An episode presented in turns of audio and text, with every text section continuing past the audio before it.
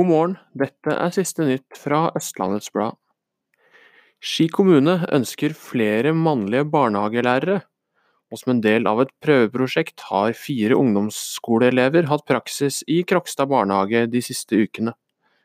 Det var kamp om plassene, og de fire guttene stortrives i barnehagen.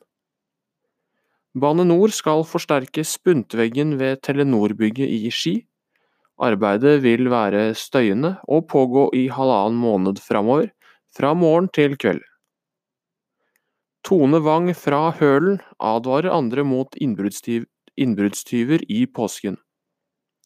Tirsdag kveld oppdaget hun at noen hadde barrikadert trappa utenfor døra hennes.